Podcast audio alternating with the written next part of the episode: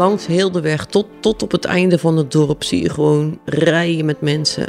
Ik denk dat we haar wel zeker een waardig afscheid hebben kunnen geven. Iets wat in haar straatje paste.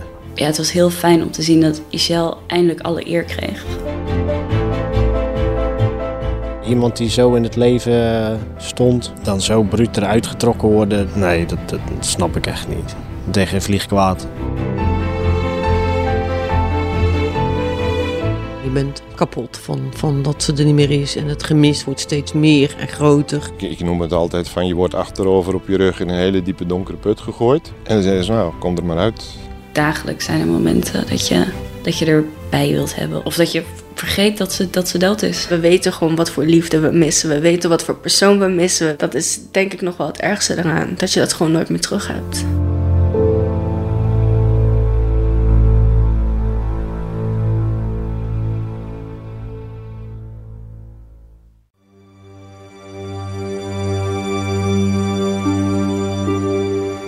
Begin 2021 komt het Zeeuwse Oostburg vol in de schijnwerpers te staan. Michelle van der Velde wordt vermist en later in stukken teruggevonden. Wat is daar gebeurd? Dit is Moord in de Spirituele Winkel, een podcast van Hart van Nederland, gemaakt door Maaike Senders. Vandaag aflevering 3. Die gaat over de nasleep van de moord op Michelle en over de gang naar de rechter. Zal Sandra eindelijk uit de doeken doen waarom ze tot deze gruweldaad is overgegaan?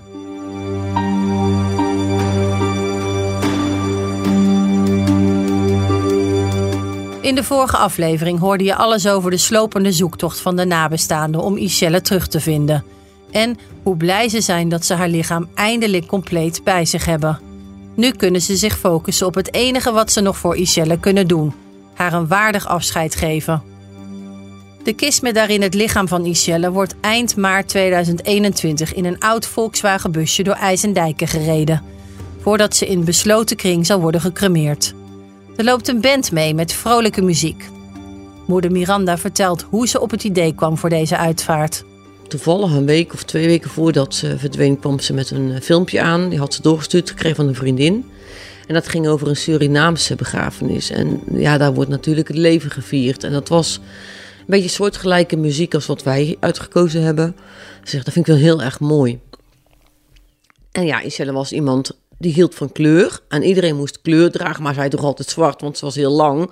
En als ze dan zwart en donker droeg, dan leek ze niet zo groot.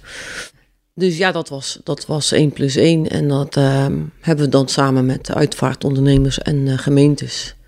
hebben we dat uitgewerkt. En uh, toen had ik het al in mijn hoofd. Van uh, hoe, hoe zou ze het mooi vinden. En, um, Wel bijzonder dat je daar dan over gesproken ja, hebt. dat is, dat, is, dat is bizar dat het dan ja, dat je dat dan zo snel moet gaan uitvoeren.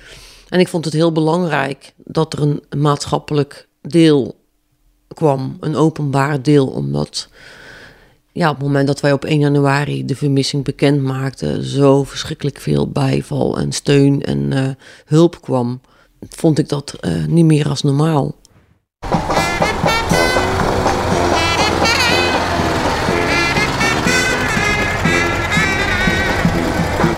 Vind het heel, heel mooi gedaan voor Michelle.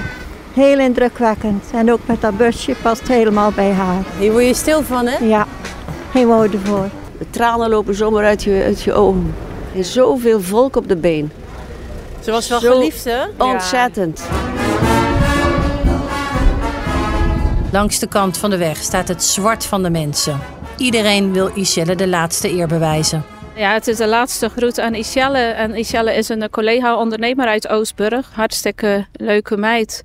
En uh, we gaan haar heel erg missen. Het is uh, prachtig hoe mooi de familie de kans heeft gegeven, ook als gemeenschap, om, om afscheid te kunnen nemen op zo'n vrolijke manier die echt bij Iselle past.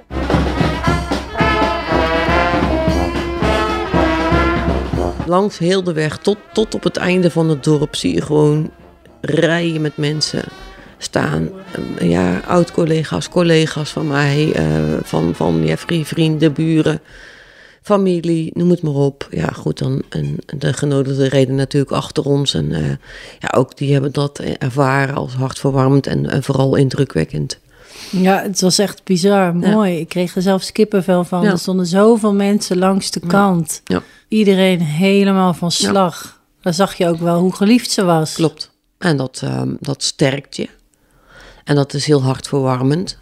Het neemt niet weg dat het natuurlijk heel bizar is. Maar wij vonden het heel belangrijk dat, ook al was het heel gruwelijk, dat, dat haar uitvaart niet zo mocht zijn en dat dat absoluut op de achtergrond moest staan. Dus we hebben daar ook niet over gesproken, ook niet in onze speeches, ook niet eh, in, in het hele regelen van ja, kijk, dit, dit is gebeurd, maar dit is niet wat ze verdient. Dus zij verdient de uitvaart die ze graag zou willen. Michelle's broer Jeffrey en zijn vader Rob kijken ook met een goed gevoel terug op het afscheid. Ik denk dat we haar wel zeker een waardig afscheid hebben kunnen geven. En iets wat in haar straatje paste. Zeker met het busje en alle bloemen en, en, en de mensen die ze allemaal kende. Ik denk dat, dat, wel, uh, dat, ze, dat ze het wel uh, mooi had gevonden. Het hele dorp was uitgerukt. Ja. Iedereen leefde zo mee. Ja, ja ik, ik heb geprobeerd te kijken om wie er allemaal stonden, maar er stonden zoveel mensen. Ja, inderdaad vanuit, het, vanuit IJsendijken zelf, maar ook Oostburg. Heel, ik denk dat, dat de mensen uit heel West-Vlaanderen dat daar wel stonden. Dat zegt wel wat hè, over ja, wie absoluut. zij was. Ja, ja.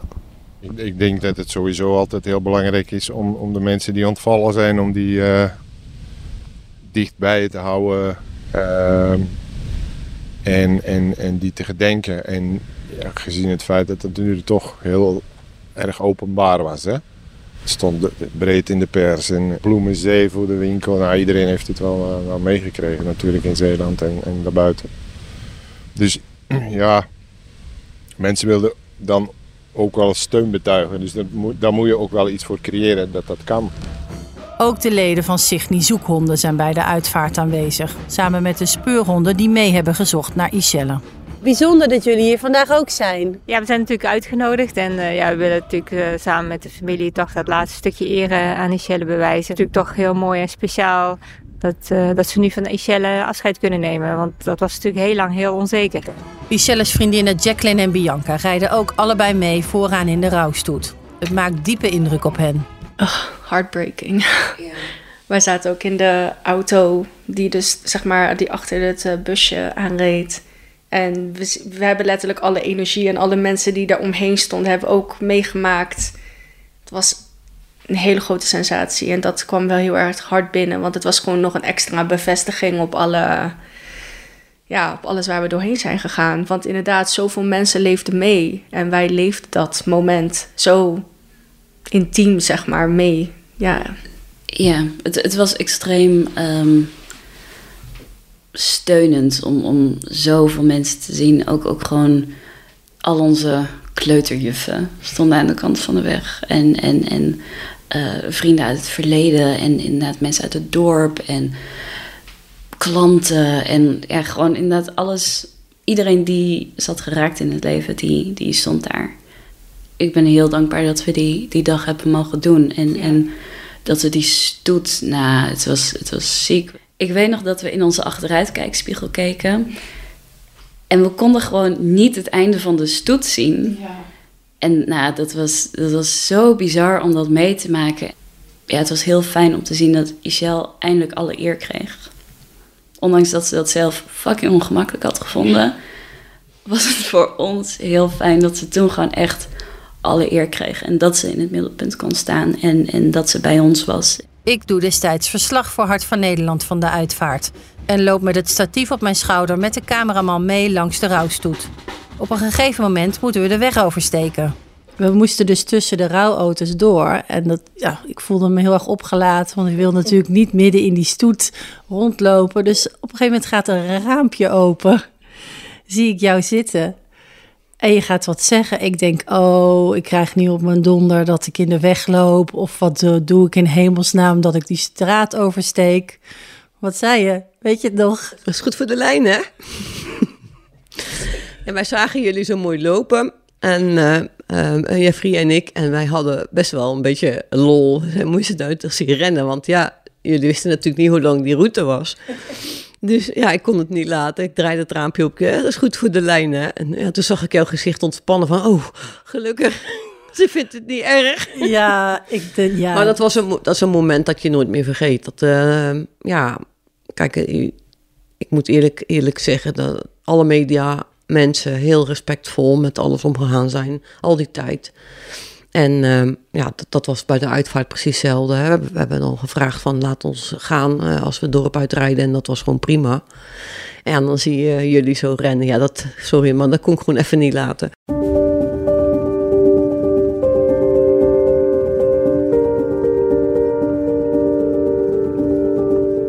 De inmiddels 46-jarige Belgische Sandra H. zit al sinds 9 februari 2021 achter de tralies. Lange tijd ontkent ze verantwoordelijk te zijn voor de dood van Iselle. Er staat voor haar dan ook veel op het spel. Ze woont samen met haar man en hun zes kinderen in Aardenburg en heeft nog drie kinderen uit een vorige relatie. De rechter leest tijdens de eerste proforma-zitting een waslijst met bewijzen op tegen Sandra. De verdachte heeft bekend bij de verplaatsing en dumping van een deel van het lichaam van Michelle betrokken te zijn geweest. Ze heeft een tijdlijn opgesteld met betrekking tot haar aanwezigheid op 15 en 16 december en die tijdlijn is aantoonbaar onjuist gebleken. Verder is het bloed van Michelle aangetroffen op de schacht van de laarsjes van verdachte. Er is ook veel bloed en een lijkengeur onder de tafel in het keukentje van de winkel van verdachte gevonden. Uh, en verder heeft verdachte verklaard dat zij degene is geweest die het gereedschap heeft aangeschaft waarmee waarschijnlijk het lichaam van Michelle in stukken is gezaagd.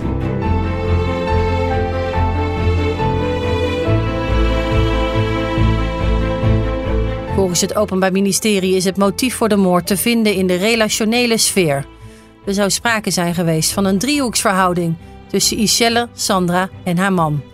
Dit zei de officier van justitie erover in een televisieuitzending van Hart van Nederland.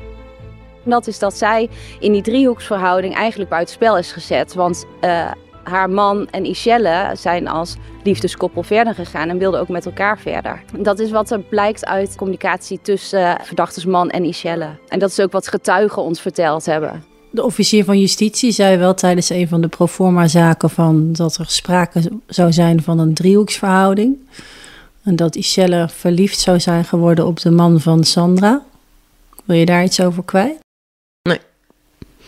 Nee, dat, kijk, er zijn, gaan heel veel, gingen heel veel verhalen. Richelle had geen moeite met de geaardheid. Ze viel niet op een, man, eh, op een man of op een vrouw. Ze viel op een persoon. En of dat dan mannelijk of vrouwelijk was, wij hadden er geen moeite mee. Zij ook niet. En ja, kijk, uh, zij had uh, een vriendschap met die vrouw. Er zijn wat dingen, uh, hebben daar gespeeld. Daar ga ik niet op in.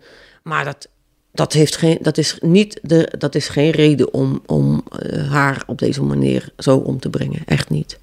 Kijk, ieder zijn eigen ding. Um, als zij dat daarmee bezig was, uh, prima. Maar um, ik denk nu op dit moment, en, ze, en toen ook, denk van nou, er, is, er gaat maar één iemand ons de waarheid hierover kunnen vertellen, maar die kan het niet meer vertellen. Want er wordt door Sandra wordt dit verhaal verteld, door haar uh, ex-man die wordt het andere verhaal verteld. En het derde verhaal kunnen we niet horen. Terwijl dat, dat het echte verhaal zal zijn. Ja, jullie wisten waarschijnlijk wel van die ruzie dan, die ze hadden. Ja, wij wisten wel alles, ja. Ja, we wisten dat ze vriendinnen waren. En wij waren hele goede vriendinnen met haar, dus ja, we waren op de hoogte. Gelukkig wel. Ja. Ja, ja want de, daardoor hebben wij heel veel met de politie kunnen delen. En ja. Um, ja, hebben we, hebben we alles kunnen delen wat, wat, wat wij in ieder geval wisten over de situatie. Het Openbaar Ministerie zei natuurlijk letterlijk bij een van de proforma's dat er een soort driehoeksverhouding was. En dat Iselle en die man samen verder wilden. Maar daar ga ik niks over vertellen. Nee. Dat, dat is echt nog een, een loyaliteit die ik aan Iselle heb. En die, uh, die, die, die verdwijnt niet als ze dood is. Nee. Ja, dat is heel stom. Dat soort van, ik, ik, ga je, ik ga je geheimpjes niet vertellen. Ik vond het al vreselijk dat ik dingen aan Miran heb moeten vertellen... waarvan ik dacht van, oh, schat, sorry, daar gaat je privacy. Maar um, ja, nee, die loyaliteit blijft wel, ook als ze dood is.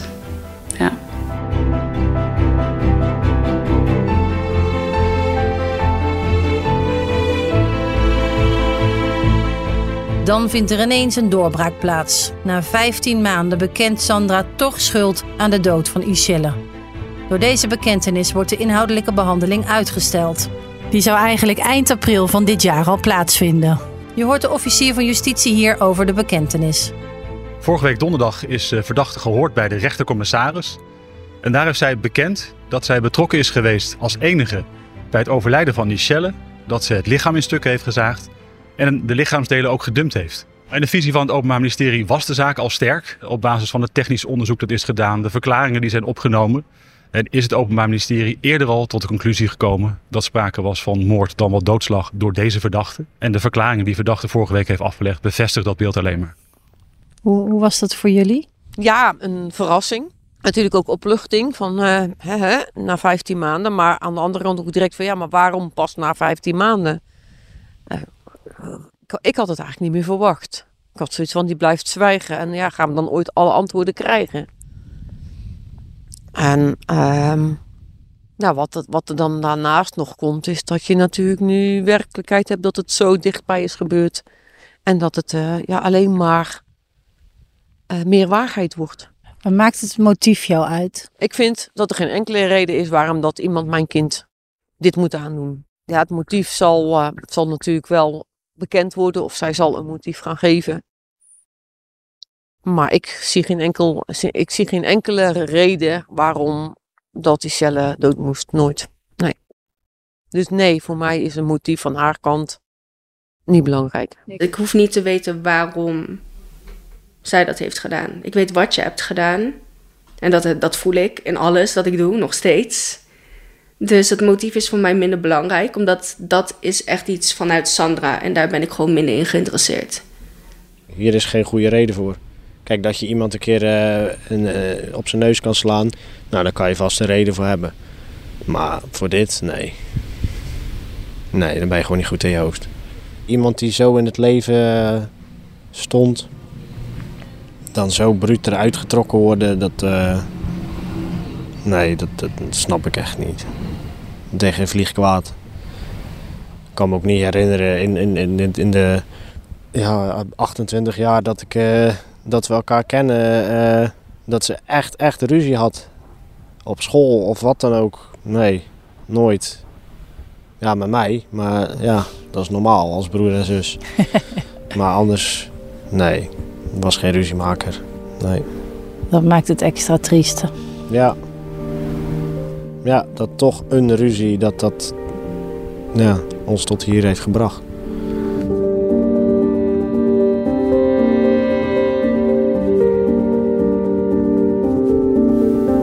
krijgen er toch niet terug.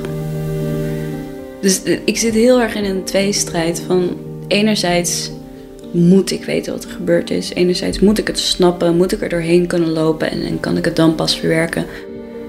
Anderzijds denk ik, Sandra verdient geen seconde van onze aandacht meer. Ik heb heel veel over haar nagedacht en, en het, ze fascineert me op een bepaalde manier. Maar toen dacht ik, oké, nee, de, nu krijg je niks meer van me. Nu wil ik aan Ishel denken, inderdaad. En nu wil ik me focussen op wat we nu moeten gaan missen. Mhm. en, en op hoe ze was. Um, en, en hoe we nu soort van verder gaan moeten.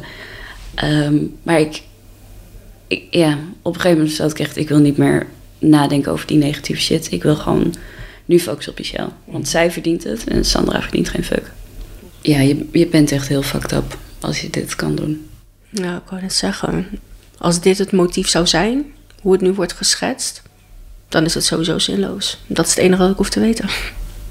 Want ze had natuurlijk een spirituele winkel. Ja. Heb je het idee dat het daar iets mee te maken heeft? Geen idee. Kijk, uh, die verhalen gingen natuurlijk. We, wat ze allemaal wel niet deed en, en, en noem maar op. Maar ik heb daar geen idee van. Ja, je gaat allerlei scenario's bedenken. En dat was natuurlijk die zwarte magie er één van. Maar daar hebben we geen, uh, geen idee van of dat wel of niet zo is. Ik heb daar in, in het begin zijn we daar heel ja. erg mee bezig geweest. Ik moet zeggen dat ik nu de laatste tijd heel weinig over na heb gedacht. Ja. Um, ook, ja, ik denk wel een beetje om me te beschermen. Want als ik weer over wat voor rare Wicca dingen ze gedaan zou kunnen hebben met die cel, dan ik weet niet of ik daar heel veel aan heb, zeg maar. Ik, ik denk over alles na, maar daar heb ik toevallig niet heel veel over nagedacht. Um, ik denk het niet. Nee. Nee, ik denk dat het te snel ging. Ik hoop dat het te snel ging. Grote, grote zaken, de grote uh, uh, onderzoeken die je hoort, daar denk je van ja, dat, daar past het wel bij. Maar hier, nee. Gewoon normale mensen eh, in een normaal dorpje met een normale winkel, met een normaal leven, dan gebeurt er zoiets. Nee. Kijk, als er nou, als nou een hele grote drugsdealer was geweest of, of iets in die richting, dan had je nog kunnen denken, ja. Maar nee, dit, nee. gewoon nee. Ik, ik, vind het een, ik vind het een heel vreemd woord, ook motief.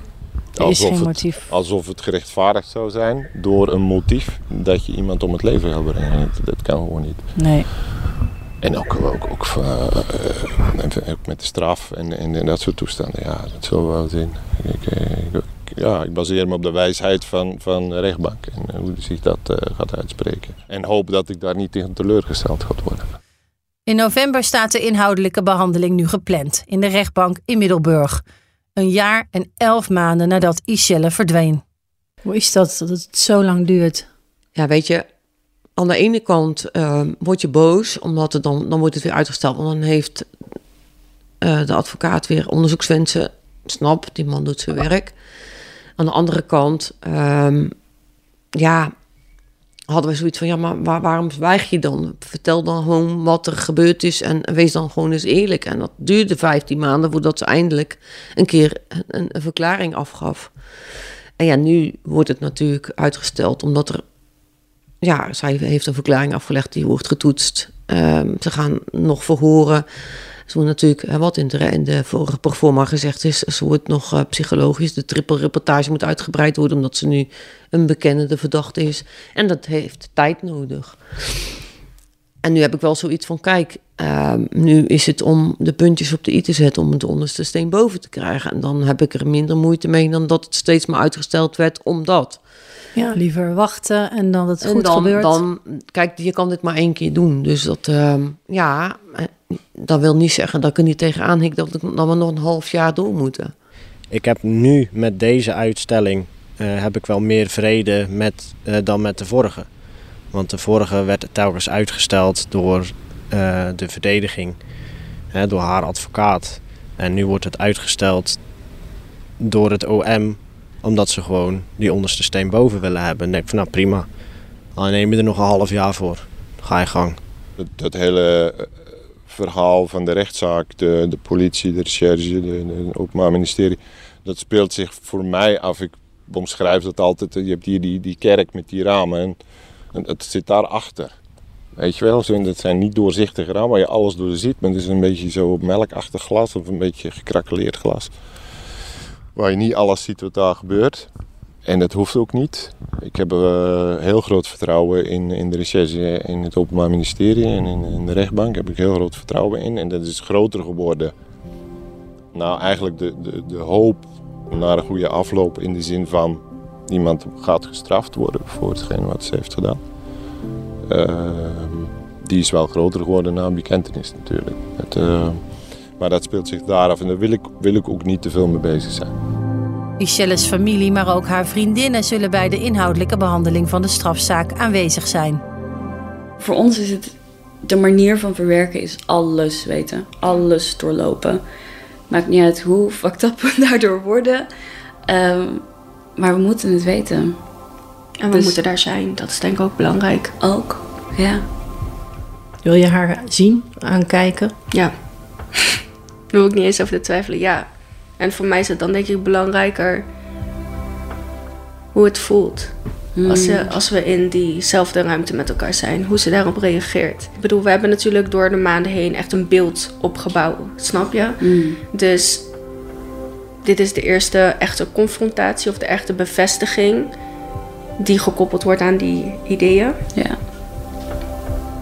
En ik heb nu een bepaald beeld in mijn hoofd, natuurlijk ook op basis van al die feiten en het hele proces. En ik wil gewoon voelen hoe ze voelt. Want je kan gewoon voelen aan iemand of iemand inderdaad sterk in zijn schoenen staat, arrogant is of wat dan ook. Of dat iemand eraan onderdoor gaat. Of weet je, hmm. dat is voor mij belangrijk in de situatie. Als ik gewoon, ik, ik weet niet wat het zou uitmaken, maar ik moet daar gewoon zijn en ik moet er gewoon zien. That's enough. Ik hoef niet eens met haar te praten. Ik hoef niet eens oogcontact of dichtbij te komen. Het is gewoon dat wij met z'n allen in dezelfde ruimte zijn als Sandra. Dat is genoeg. Hm. En hoop je dan wel dat ze toch duidelijkheid gaat geven? ik geloof geen woord meer wat dat er uit haar mond komt. Dus voor mij is dat niet echt uh, toegevoegde waarde. Hoe belangrijk is het dat jij wel die antwoorden gaat krijgen? Voor mijn gemoedsrust, voor mijn ehm, beeld zou ik wel heel graag alle antwoorden willen hebben. En we weten ook dat we lang niet alle antwoorden zullen krijgen. Maar ik hoop wel dat de waarheid naar boven komt en dat het duidelijk wordt hoe, wat, waar en waarom. Denk je dat je de waarheid, het verhaal ooit te horen krijgt? Uh, delen. Ik denk niet dat we, dat we echt het, het hele verhaal gaan, gaan krijgen. Um, goed, zeg nooit nooit, maar uh, ik denk niet dat we alle antwoorden gaan krijgen. Dat sowieso niet. En is het belangrijk voor jou, ja, wat, wat, wat voor straf zij krijgt? Of heb je zoiets, ja, ik krijg mijn zus er niet mee terug? Nee, ik krijg ze er niet mee terug. Maar goed, als ze zeggen van ja, nee, je krijgt vijf jaar, nou, dat is toch een beetje weinig. Maar goed, ja, ook al uh, krijgen ze er 18 of krijgen ze er 30, al krijgen ze er 100, ja. We gaan ze er nooit meer terugkrijgen, dus het is, het is niet hoog genoeg. Niks is hoog genoeg.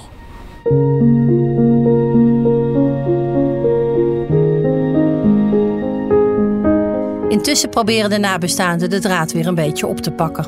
Maar dat is moeilijk. Heel moeilijk. Je bent um, kapot van, van dat ze er niet meer is. En het gemis wordt steeds meer en groter. Bij ieder klein dingetje wat je hebt. Ja, moederdag, kerst, dat herbeleef je allemaal weer. En ja, je, je, je staat ermee op en je gaat ermee naar bed. En um, het is een deel van je hart gewoon weg en kapot. En dat, dat hield nooit meer. Dat, dat, daar ben ik me wel van bewust. En, uh, en ja, je probeert de, de dingen weer een beetje op te pakken. En, uh, maar het, het, het, intense genieten van iets, het intens gelukkig gevoel of blijheid, dat, dat, is, ehm, dat is er niet. Het is allemaal wat, luw, wat lauwtjes. Het is allemaal, je voelt het niet meer zo intens zoals, het, zoals je het anders voelde. Want werk je nog bijvoorbeeld? Nee, ik ben op dit moment uh, uh, ik ben niet aan het werk. Dat is uh, door slachtofferhulp en door psycholoog sterk afgeraden. Ik zit wel in een poortwachterstraject, dus we zijn wel bezig om te kijken van ja, wat kan er op termijn. Alleen, ja, er komt nog zo heel veel op ons pad. Nog de behandelzaak. We mogen het dossier nog gaan inzien. Dat zijn allemaal klappen die je gaat krijgen. En ehm, ja, de reïntegratiecoach zegt ook, ja, een werkgever zit er ook niet op te wachten als je een maand aan het werk bent en daarna weer uitvalt. Dus daar ben ik wel heel voorzichtig mee. En ik zou heel graag willen, echt heel graag willen. Maar je hoofd staat er nog niet naar, denk ik. Nee. Want je komt wel over als een hele sterke vrouw. Ja. Je zegt, ik heb ook af en toe wel die zwarte humor. Maar heb je ook vaak dat je wel gewoon je emoties kan tonen? Ja, ik ben geen, uh, geen groepshuilig, laat ik het zo zeggen. Ik ben ook niet voor, uh, voor, voor, de, voor de buitenwereld dat, dat ik uh, heel erg emotioneel ben. En natuurlijk heb ik dagen erbij dat mijn rolgordijn dicht blijft. Dat ik mijn pyjama aanhoud. En um, ja, heel grof gezegd, fuck de buitenwereld. En ik doe niks. Maar dat laat je liever niet zien? Kijk, mensen die mij goed kennen, die, die weten dat. En daar, um, ja, natuurlijk laat je daar wel tranen. En daar, natuurlijk heb je pijn en verdriet, die voelen dat. Als je een moment hebt dat je, echt, dat je het echt heel zwaar hebt, dan, nou, dan grijp ik heel vaak naar muziek. Want dat, dat um, geeft je emotie weer, maar dat helpt je ook om, om er dan even bij stil te staan en het dan ook te, toe te laten. En dat heb ik in de loop der jaren, niet alleen nu, maar ook wel geleerd dat je ja, dat er momenten zijn dat je zwak bent. En dat er momenten zijn dat je, dat je daaraan toe moet geven. Want anders red je het niet, want die kan, die kan het niet tegenhouden. Hoe is jouw omgeving daarmee omgegaan? Zijn er mensen afgehaakt? Zijn er, ben je mensen kwijtgeraakt? Of heb je juist heel veel steun gehad aan je omgeving? Nou, weet je, um, ik, ben, zelf, zoals Iselle, uh, vrij trouw wat vriendschappen en, en familiebanden betreft. En de mensen waar je echt op kon bouwen, die, die, die zijn, dat is hechter geworden. Die mensen die snappen het ook. Alleen, ja, die voelen het maar een stukje. Dat zeggen ze ook allemaal zelf. Ja, want jij, iedere moeder voelt een deel van wat ik voel. Ja, als, als er iets met je kind is, dan, dan bloedt je moederhart. Maar als je kind op deze manier afgenomen wordt, dat, dat, dat gaat buiten alle perken. Dat, dat kan niemand voelen. Dat moet je zelf meegemaakt hebben. En dat ervaar ik nu zelf ook. Als je met lotgenoten, met moeders praat die ook hun kind op deze manier verloren zijn. Ja, dat, dan heb je geen woorden nodig. Het heeft mij zeker in de periode na de uitvaart. ehm, toen kwam echt de klap, zeg maar. Want ja, dan stopt natuurlijk alles. Het zoeken stopt, het regelen stopt. En dan val je in een gat. En dan ben ik best wel diep ingevallen. Ehm, en ik kan nu wel na ja, ruim een jaar kan ik wel zeggen dat ik, dat ik er weer aan het uitklimmen ben. Ik ben er nog niet helemaal uit, maar het gaat beter. Ik kan er, kan er beter mee omgaan. Tuurlijk ben ik er nog mee bezig en tuurlijk denk ik aan haar en tuurlijk heb ik nog momenten dat ik denk van, oh, ja. Bijvoorbeeld, we waren heel veel van muziek. Een aantal weken geleden dan hoorde ik ergens een nummer, ik ging die artiest opzoeken en dacht, oh, ja, goede muziek, moet ik even aan de Shelle laten horen. Tegelijkertijd, nee, dat gaat niet meer. Maar dan denk ik ook, in mijn achterhoofd denk ik van, ja, maar zo hoort het wel. Want je hebt ook PTSS opgelopen, hè? Ja, Hierdoor. klopt. Ja. Dat, ja, dat was de diepe put waar ik in, in viel. En ehm, gelukkig kan ik nu zeggen dat ik er vanaf ben. Door goede hulp. Ehm, en door te praten. En dat zou ik ook iedereen mee willen geven die, die het heeft of die, die, die het moeilijk mee heeft. Praten, blijven praten. Niet wegsteken. Want je zakt alleen maar dieper weg. Hoe, ga je verder als, als zoiets gruwelijks gebeurt met je eigen dochter? Ja, ik, ik noem het altijd van je wordt achterover op je rug in een hele diepe donkere put gegooid. En dan zeggen ze, nou, kom er maar uit. En niemand zegt dat overigens, maar dat, je zult eruit moeten. Ehm, en dat, dat duurt lang en daar heb je hulp bij nodig, kun je ook niet alleen. Eh, op alle vlakken. Je, je komt ook mensen tegen, ehm, lotgenoten, ik vind het een vreselijk woord, maar ja, ze hebben er geen ander woord voor. En waar je mee spreekt en, en ehm, dat maakt dingen wel lichter. Maar als ik puur naar mezelf kijk, dan ben ik heel veel dingen aan het proberen. Eh, eh, natuurlijk psychiater, psycholoog, eh, maar, ook daarbuiten. Met je alternatieve geneeswijze ben ik nogal een heel grote voorstander van. Probeer ik iets mee te doen. En daar heb ik nu wel baat bij. Daar heb ik nu het gevoel van, oké, er komt wat energie terug en ik zie ook wat meer kleur weer. Ik noem het altijd, het is een hele kleurloze periode geweest. Het was, ging van donker naar grijs en naar lichtgrijs, maar er zat geen kleur. De kleur was helemaal weg. En nu heb ik het gevoel dat er terug een klein beetje kleur eh, begint te komen.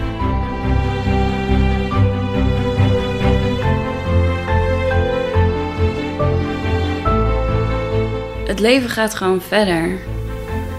Ehm, en ik, enerzijds ben ik heel dankbaar dat ik een, hele drukke baan heb waar ik mijn productiehoofd kan aanzetten en, en dat ik het even, even los kan, kan laten. Ehm, maar dus, eh, ja, de, dagelijks zijn er momenten dat je, dat je erbij wilt hebben of dat je, of dat je vergeet dat ze, dat ze dood is. Ja. En dat je, dat je er gewoon even, even wilt bellen. Of, of dat je een soort van vaag gevoel hebt van... Oh ja, ik moet ja, even met Michel afspreken. Ja, dat je denkt, oké, fuck. Nee, dat, dat kan niet. Ja, Bianca, ik weet niet hoe dat bij jou zit. Dat is, dat is onmogelijk. Ja. Maar het zat ook zo... Jullie waren zo'n tweeling. En het zat zo verweven in, in je dagelijkse structuur. Ja, en je, je weet ook dat je nooit zo'n zo'n relatie nog een keer gaat hebben. Nee. En dat, dat maakt niet uit hoe, hoe lief je andere vrienden zijn. En het maakt niet uit hoe, hoe goed iedereen zijn best doet. Ze zijn Michelle niet. En dat kan nooit iemand ehm, kan in, die, in die plek komen. Je moet echt om, op dat gat moet je, moet je heen groeien. Eh, en en dat, dat heeft heel veel tijd nodig. Ja, je gaat, je gaat anders in het leven staan. Want dingen waarvan je denkt, ja, jezus, doe niet zo, stel je niet zo aan. Wat denk je dat gaat gebeuren? Ja, I don't know. Vermoord worden in stukken gesneden. Weet je, het is opeens een, een mogelijkheid geworden. ja, daar leef je anders door. Wat ik heb gemerkt in dit hele proces is dat ik het moeilijk vond om bij de goede herinneringen van haar te kunnen komen. Juist omdat dit hele. Ja, het overschaduwde eigenlijk wie zij was. In ieder geval, het, zeg maar in mijn, in mijn herinneringen. Je kan het inderdaad niet echt meer van elkaar loskoppelen. Je was op een gegeven moment alleen maar bezig met haar dood, haar verdwijning. En niet meer met haar. Dus dat was voor mij ook heel erg moeilijk om weer terug te komen bij die herinneringen. Want je wilt niet op je 29ste denken. hoe was het, zeg maar? Wat, wat, ja, dat is gek. En hoe ga je daarmee om? Ja, geen idee. Ik heb er nog steeds dagelijks last van. Heb je daar hulp voor? Ja. Ja, ik dacht dat ik laatst mijn, uh, mijn traject had afgesloten, maar dat is een grapje. dat is niet waar. ik ben er nog lang niet. Ik heb, uh, ik heb wel tools om ermee om te gaan, maar vooral. Um, het komt in fases. Wanneer je denkt dat het oké met je gaat, komt er opeens weer vanaf een blinde vlek, komt er opeens weer een klap die je weer compleet neerhaalt. Het is. Ja, je kan het je niet echt voorstellen, zeg maar, van. Of in ieder geval, je kan het niet jezelf ervoor bewapenen. Van wanneer komt het en wanneer niet, want je ziet het compleet niet aankomen. De ene dag voel ik me supergoed en in de avond ben ik opeens helemaal drained. Kan ik niet met andere mensen spreken? Kan ik niet eens genoeg aandacht geven aan mijn kind? Ben ik gewoon helemaal gevangen in dat moment. Maar ik heb geleerd om dat meer toe te laten, denk ik. Soms moet je daar gewoon mee zitten. En het ook gewoon eventjes helemaal over je heen laten komen. Want het is niet iets dat je... Ja, het zit zeg maar niet echt in je gebruiksaanwijzing van hoe ga je hiermee om. Dus je moet het maar een beetje zijn loop laten gaan. Want hoe meer je er tegen gaat verzetten, wat we in het begin denk ik vooral heel erg hebben gedaan. Hoe lelijker het eruit komt. Hoe meer je ermee gaat zitten, hoe meer je vastkomt. En daarom ben ik ook heel erg blij dat ik inderdaad Jacqueline en Anna had hierin. Want echt andere mensen weten echt niet wat het is, wat het betekent. Dus die, uh, die steun, ja, dat is bizar. Maar dat is ook iets dat die Shell heeft gedaan, dus dat is super mooi. ja, maar het gemis wordt ook niet minder. Nee, nee. Nee, dat heb ik wel echt geleerd. Dat uh, grief wordt niet minder. Je moet inderdaad genoeg eromheen hebben om het draaglijk te maken. En soms heb je dat ook niet en dan moet je er nog maar mee dealen.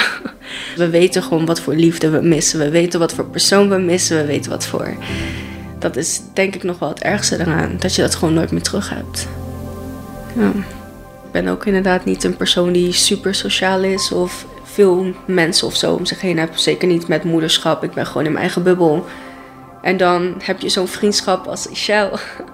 En dan denk je van, nou, daar ben ik goed mee. Ik heb een hele goede vriendin. En dan, of all people, hoe, hoe kan die persoon dan worden weggetrokken?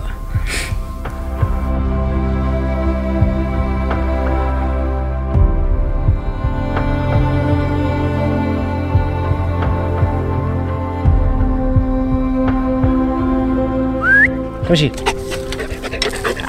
Kom maar zitten.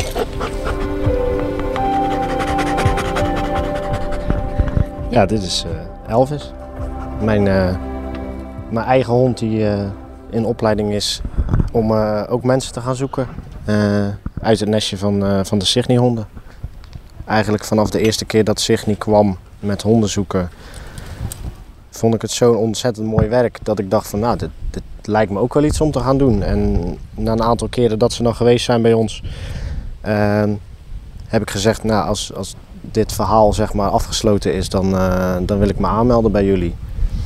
En toen op een gegeven moment kwam het, uh, kwam het bericht en de vraag, ja, een van de honden die, uh, die krijgt een nestje en heb je interesse in een hond? En ik moest er geen seconde over nadenken. Ik heb gelijk ja gezegd. Ja, want die honden hebben voor jullie heel veel betekend, hè? Die Signy-honden. Ja, absoluut. Ja, vanaf, ja, vanaf de eerste keer dat ze, dat ze kwamen, dan waren de honden er allemaal bij. En dan, begin, dan ga je ze ook leren kennen en, en, en, de mensen en de honden die ga je leren kennen. En dan, dan zie je wat zo'n hond kan doen. Ik kan me voorstellen dat het toch ook wel confronterend is. Um, ja, je bent natuurlijk ergens mee bezig waar je, tussen aanhalingstekens, waar een normaal mens niet mee bezig is. Um, daar moet je heel goed van bewust zijn en dat, dat moet ook in je zitten. Dat kan niet zomaar iedereen. Want helaas zijn we toch 9 van de 10 keer op zoek naar een overleden persoon. En hoe doet uh, Elvis het? Elvis doet het heel goed. Absoluut. Hij uh, waarschijnlijk rond februari zal hij een, eh, een soort van examen gaan doen. Ehm, waar ze gaan kijken of dat hij ook daadwerkelijk in staat is om op, mee op inzet te gaan. Dat hij uh, alle vakjes uh, goed aankruist, zeg maar. Dat hij ook op zoek kan. Geeft het je voldoening? Ja, absoluut. Ja. Het is ten eerste gewoon heerlijk om, om, om bezig te zijn. En, en om hem te zien groeien daarin. Want in het begin dan train je op een echt een kleutermanier, zeg maar. Train je hem om, om de geur te herkennen. En nu, nu zit hij al zo ver dat de geur gewoon ergens in een bos ligt en uh, hij vindt hem gewoon. Want wat hebben zijn vader of moeder voor jullie betekend? Of zijn dat niet zijn ouders? Ja, ja vader en moeder zijn, uh, zijn er alle twee bij geweest. Um, meerdere keren. Dus ja, dan, dan een nageslacht zeg maar, van twee honden die, die naar mijn zus hebben gezocht, uh, is dan wel extra bijzonder, vind ik. Luid! Luid! Een aantal maanden geleden waren wij met een, zoektocht bezig hier toevallig in Zeeuws-Vlaanderen. En dan contact gezocht met die familie. En dan zeggen, nou, we komen daar wel even naartoe. Kunnen we even met elkaar bespreken hoe en wat. En dan zie je die familie staan van iemand die, die vermist is. En dan denk je, ja, ik weet wat er in jouw hoofd omgaat. Ik weet wat, wat je meemaakt, waar je mee zit. Dan is het voor hun, net zoals dat wij toen hebben gehad, voor hun een hele geruststelling dat, dat wij kunnen zeggen van nou luister, we doen er alles aan. We stoppen gewoon niet totdat we hem of haar hebben. Miranda is bezig met het schrijven van een boek over hoe zij deze tijd heeft beleefd en wat het met haar heeft gedaan. Wat gaat het voor boek worden? Um, een, een, boek puur op gevoel. Hoe ervaar je dit? Um, hoe, um, hoe kom je bepaalde dingen tegen? Hoe reageren mensen? Uh, wat voor nieuws krijg je? Hoe reageer je daarop? Hoe, hoe, um, hoe sta je op? Hoe ga je verder? Dat. Hoe is het om dat te schrijven? Hetzelfde als vertellen. Aan de ene kant um, heelt je dat. Aan de andere kant vind ik het ook heel belangrijk als mensen het lezen. Kijk, als, uh, als je als moeder vanuit je hart het verhaal vertelt, dan zo. Wat ik wil bereiken is dat mensen maar dat net dat kleine beetje voelen van hoe, dat, hoe erg dit is, hoe, hoe dit je raakt, hoe hard uh, je leven geworden is en, en waar je mee moet dealen. En ook dat kan weer een steun zijn voor andere mensen. Ook heeft ze een stichting opgericht voor Ishelle. Daarmee hoopt ze een steun te zijn voor lotgenoten. Daar uh, heb ik een aantal doelen opgesteld, waaronder uh, uh, ondersteuning te bieden aan, aan vermissingsacties. Ja, mochten die voorkomen, uh, langdurig, eventueel voor de, voor, de, voor de familie een steun te zijn. Ook voor de vrijwilligers of voor de instanties die op dat moment een zoekactie doen. Om ze te ondersteunen, al is het info inwinnen, al is het uh, koffie te geven, al is het een broodje te geven. Dat soort dingen. Dat wil ik later gaan uitbreiden als alles achter de rug is. Van, ja, bedoel, je kan nog niet heel het verhaal vertellen. Uh, om, om lezingen te gaan geven op bijeenkomsten, uh, eventueel uh, professionele hulpverleningen die daarmee te maken hebben, mijn verhaal te vertellen van ja, wat waren voor mij de struikelblokken uh, waar ze lering uit kunnen trekken. En wat voor voldoening geeft dat om daarmee bezig te zijn? Watgene wat ik gemist heb, denk ik. Van dat mensen je begrijpen, precies weten wat je, wat je meemaakt en daardoor de juiste tips of adviezen kunnen geven. Misschien kunnen we zo nog één liedje luisteren. Ja? Ja, het liedje wil je horen. Ja, dan mag jij kiezen. Het allermooiste uh, liedje, wat heel erg bij Michelle paste, ook, ook qua tekst en ook ja, waar het eigenlijk om, om, om draaide. Uh, voelde zich anders, niet bijzonder. Ze was altijd uh, aan het vechten voor haar plekje. En dit liedje gaat ook werken over dat ook mensen die anders tussen haakjes zijn, het verdienen om, om wel geluk te hebben en wel geaccepteerd te worden. En dat is Soldier On van uh, Direct. Dat is ook het liedje wat we gebruikt hebben bij de uitvaart. Toen haar kist naar binnen droegen. En dat heb ik lang niet kunnen horen. Maar mezelf op een gegeven moment er echt toe gedwongen om dat wel te doen. Omdat dat, dat is echt het liedje wat bij Michelle past. Wauw. Zullen we er even naar luisteren? Prima. As brave as you. You're holding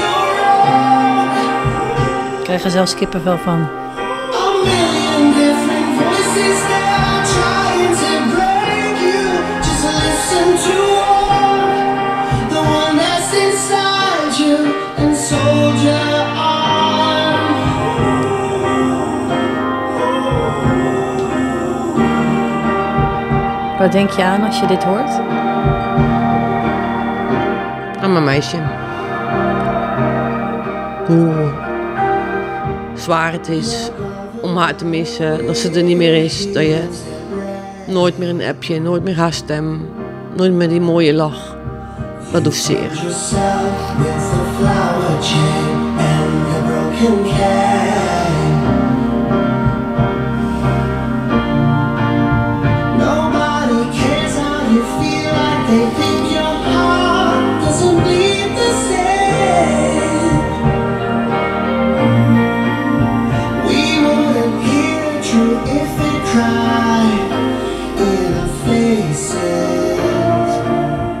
Wil jij dat mensen haar herinneren?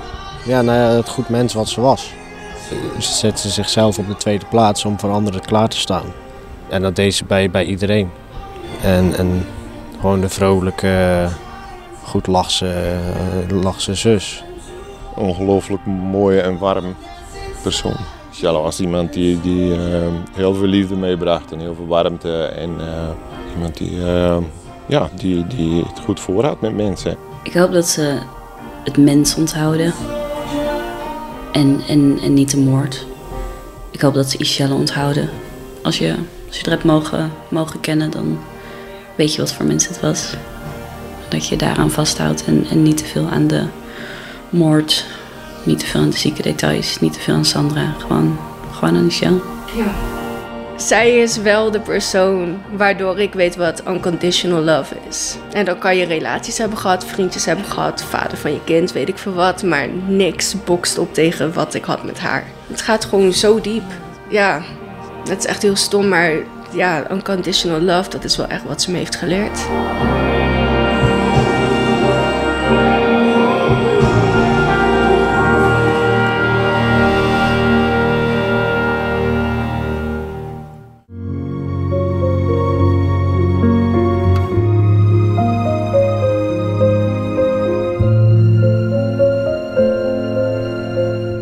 Sluit met Miranda af bij het kanaal waar Iselle is gevonden. Vorige zomer hebben ze hier haar verjaardag gevierd.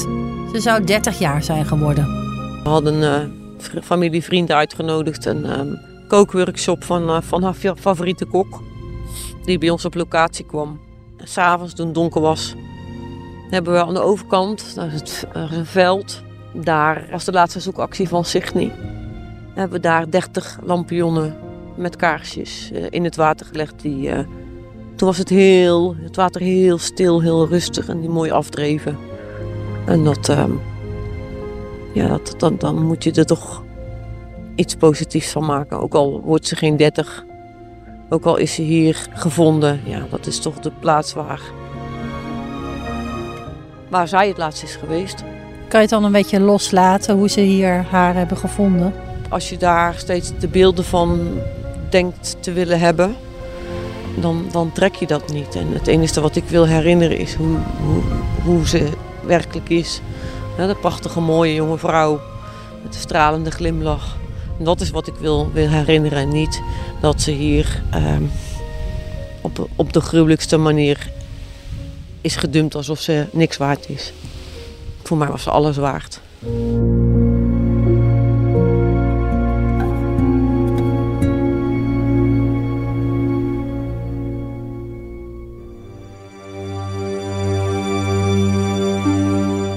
Dit was Moord in de Spirituele Winkel. Een podcast van Hart van Nederland, gemaakt door Maaike Senders. Redactie is gedaan door Elin Stil, productie door Daniel Bom. Vormgever is Elin van Aken, eindredacteur Irene Jansen. We blijven deze zaak tot het einde aan toe volgen. Er komen dus nog meer afleveringen, bijvoorbeeld over de rechtszaak. Abonneer je vooral om niets te missen. Vond je deze podcast nou interessant? Laat een review achter en deel hem met je vrienden. Wil je meer crime podcasts horen? Luister dan naar Bloedband, waarin familie van daders vertellen over hun leven dat veranderde nadat hun geliefde een misdaad pleegde. Wil je iets anders? In de podcast Uit welke kast kom jij? bespreekt Mirella van Marcus met jongeren hoe het is om uit de kast te komen. Wil je reageren op de podcast? Mail dan naar podcast.hart.talpanetwork.com.